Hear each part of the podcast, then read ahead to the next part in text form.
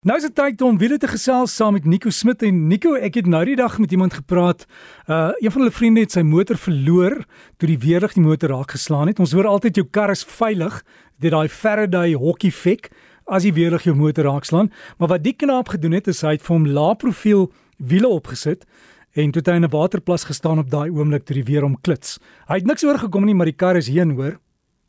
Ja, weet ek is die eerste keer dat ek van so iets hoor. Ek het ook nogal altyd gedink jy Ehm um, kyk die weerlig is nie op maat nie um, en jy wil wegbly. Ehm um, maar ek het gedink in 'n mate is jy is jy beter beskerm. Ek wil jy's definitief beter beskerm as jy buite staan en sekerlik as jy voorbeeld ook alhoewel die kar nie meer daar is nie, is gelukkig is jou vriend nog daar. Ehm um, so ja, dit is ehm um, ek dink dit is net 'n slegte tyd of slegte alles wat saamgespeel het wat net sleg uitgewerk het. Ja, die, um, die die die feit dat hy in die water gestaan het met die lae profiel wiele het hom, jy weet, 'n aard gemaak vir die weerlig. En daar is die motor mm -hmm. Dit kan wees natuurlik dat die dat die water in die in die velling in in in die mag met ander woorde raak op plaas ja. van die rubber op die teer en dis ja, dan sit 'n wonderlike geleier. Ja, ek het 'n uh, vriend van my het grootskade weerlig het 'n huis geslaan en dit is 'n uh, ehm um, nuwe ehm um, weet sonpanele en inverter en al die elektroniese toestelle. Dit is, is nogal groot skade ongelukkig.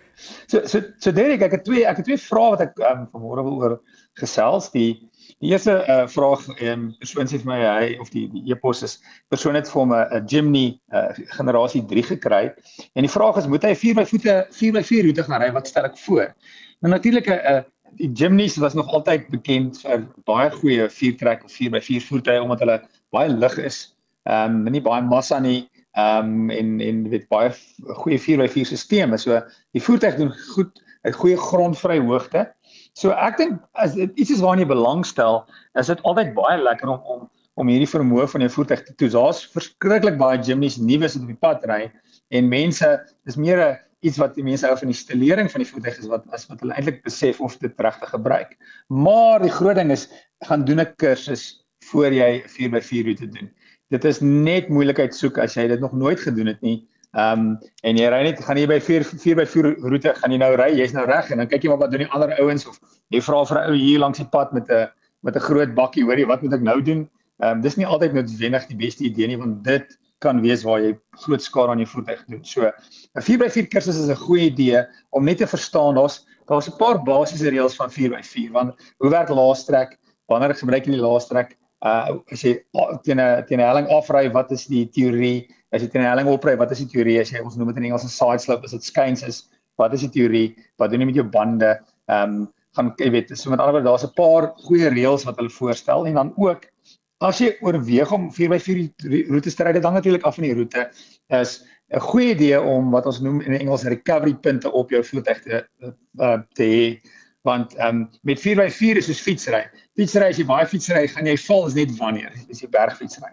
So dis hoekom as jy bergfiets ry, jy handskoene aan en 'n valhelm aan sodat jy dan jouself redelik kan beskerm. Nou met 4x4 is daar goeie kans dat jy gaan vasval, vassit. So dit is as jy goeie ehm um, punte het, recovery punte wat uh, iemand jou weer kan herwin, dan gaan jy weet dis nogal 'n uh, iets wat ek sou sê jy moet werd is in jou sleeppak is nie 'n goeie recovery punt hier. Daai waarop jy jou waantjie af. Daai daai sleepbal breek af en dit is so 'n kanon-koel wat um, baie skade maak. So verseker is dit die moeite werd, maar gaan doen 'n goeie 4x4 kursus.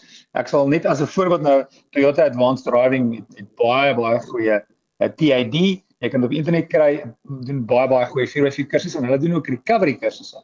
Wat die moeite werd is om dan so as jy die kursus dis 'n langer dis bietjie 'n langer dag, maar hulle leer jou dan wat is die verskillende ehm um, uh met ander woorde daar's Engels praat ons weer eens van 'n pull strap of 'n snatch strap. Hoe werk hierdie goeders? Maar as jy die moeilikheid is waarvoor kyk jy uit en hoe kry jy jouself uit die moeilikheid? Maar verseker is dit die moeite werd. Volgende vraag gaan oor bande. Bande is nogal iets waaroor ons weet gereeld gesels en in hierdie geval sê die persoon hy soek die beste bande vir sy RAV. Hy kyk na all-terrain bande, maar nou wat gebeur is daar's verskillende resensies. En dan is een resensie sê nee, hierdie band is baie goed en die volgende resensie sê nee, hierdie band is nie baie goed nie. En ek dink dis nogal die probleem met enige iets. Ehm um, weet as jy ehm um, die die internet is in 'n sekere mate kan jy jouself baie goed inlig, maar partymal kan mens ook bietjie verlore raak ehm um, in hierdie hele soeke uh, op die internet. So ek kan jou sê wat ek doen. So eerstens is die persoon sê hy kyk na all-terrain bande, so ehm um, want hy gaan moontlik na Namibië toe.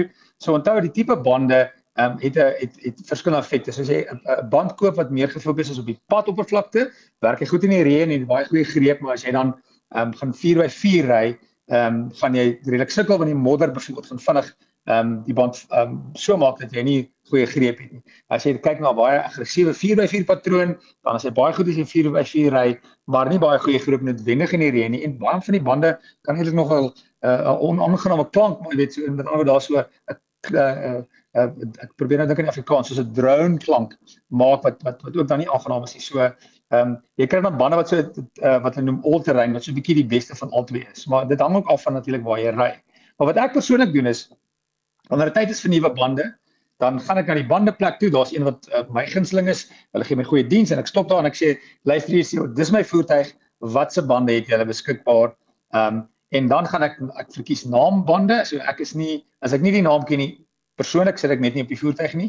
Ehm um, so ehm um, ek sal byvoorbeeld en jy weet al die naambande as ek Continental, Bridgestone, ehm um, Michelin, ehm um, selfs Hankook wat vroeër dalk nie gedink het is 'n goeie naam is baie goeie bande. So ek kyk dan na die bande en sê ek, dis die bande en dan vra ek die persoon met die bande plek, luister wat sê jy aanbeveel, wat is die beste bande? En dan kyk dis vir my definitief is dit iets wat wat ek kyk na my sak wat my sak pas so ehm um, ek um, ek sê dan weet jy wat hierdie ek tussen hierdie twee hulle pryse is baie dieselfde weet jy wat kom ons sê byvoorbeeld ek hou van die Continental so ek gaan van die Continental gaan tussen hierdie twee bande so dis persoonlik wat ek doen ek ek lees nie te veel resensies oor bande nie want mense kan redelik verlore raak ehm um, en en ek is prysensitief en baie mense dink ek is prysensitief so dit sou ek sê is die beste manier om dit te doen gaan na 'n bandeplek toe vra hulle advies en dan as jy jou, jou, leeftyd van jou band gaan afhang hoe gereeld jy die bande roteer en hoe gereeld jy bly by die druk wat die vervaardiger voorskryf.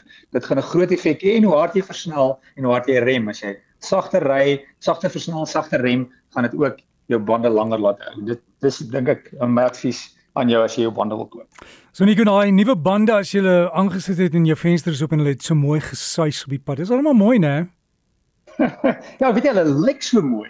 Weet jy as jy vier nuwe bande het dan lyk dit dan baie lekker alhoewel dit maak nogal jou hartseer die prys wat jy betaal het, maar dit lyk darm baie mooi. Ja, en daai gladde bande van jou wanneer jy in die reën moet remtrap en jy begin gly en jy begin bid, maak jou baie gelowig. ja, verseker. So dis jy weet dis nie iets wat weet ons kyk baie mal na ander goederes om te spandeer, maar ehm um, die bande is is die ding wat al die elektroniese stelsels laat werk. So dis nie iets waarop jy wil wil min geld spandeer nie. Dis nie moeite werd om te belê in bande want jy belê in jou veiligheid. Maak nie saak wat se voertuig jy het nie. Die bande is een van die belangrikste goederes wat jy nie moet miskyk of verbykyk nie. Nico Smit, veilige reis vir jou op jou paaie Nico met goeie bande en as jy vir Nico wil e-pos dalk 'n vraag het, stuur vir hom wiele by rsg.co.za. wiele by rsg.co.za.